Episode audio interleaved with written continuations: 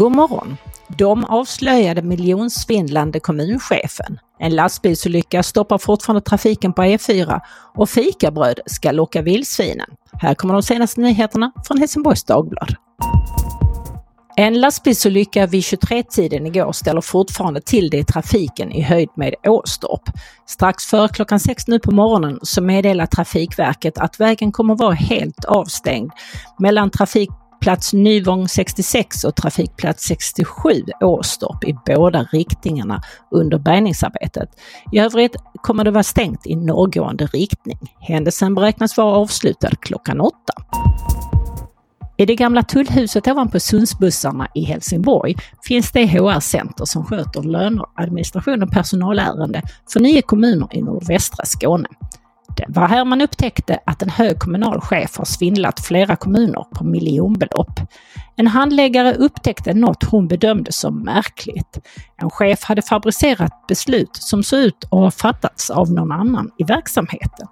Många utbetalningar på mindre belopp. Totalt handlar det om drygt 4 miljoner kronor under tre års tid.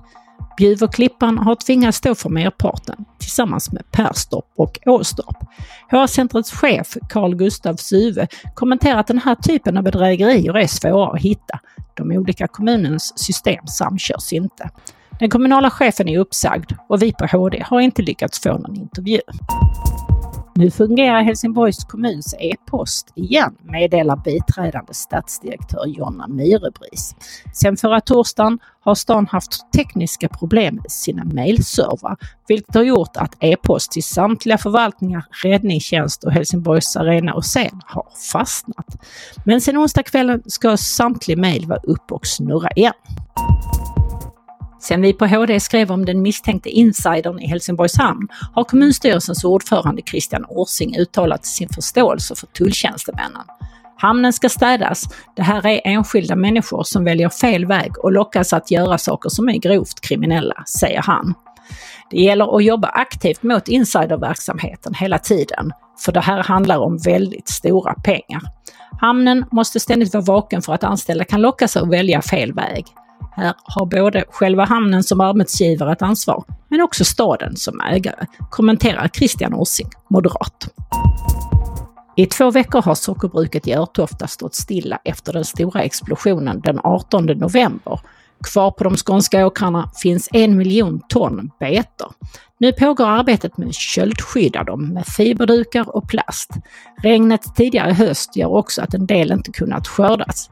Totalt handlar det om ett värde av miljontals kronor. Tidigast den 11 december kan fabriken i Örtofta öppna igen med reducerad kapacitet. Nu hoppas betodlarna på att vädret blir stabilt. Ett omslag är det värsta som kan drabba betstukorna. Gammalt fikabröd har blivit ett nytt vapen mot svinpest. Nu sätts det in i kärnområdet kring Fagersta för att hålla vildsvinen kvar i de centrala delarna av området, rapporterar Jaktjournalen.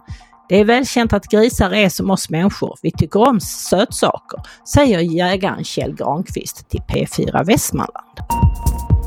USAs tidigare utrikesminister och tillika Nobelpristagaren Henrik Kissinger har avlidit i sitt hem. Henry Kissinger blev 100 år gammal. Vädret. Efter en natt då det kan ha kommit en del snö på sina håll så ser det ut att bli uppehåll idag. Temperaturen håller sig precis runt nollan. Så eventuellt så blir det stökigt i trafiken även denna dag. Efter lunch kan molnen lätta och solen titta fram. Vinden blir mellan 4 och 6 meter per sekund och kommer från nordost. Det var allt från Helsingborgs Dagblad den här morgonen. I studion Yvonne Johansson. Läs mer på hd.se. Vi hörs!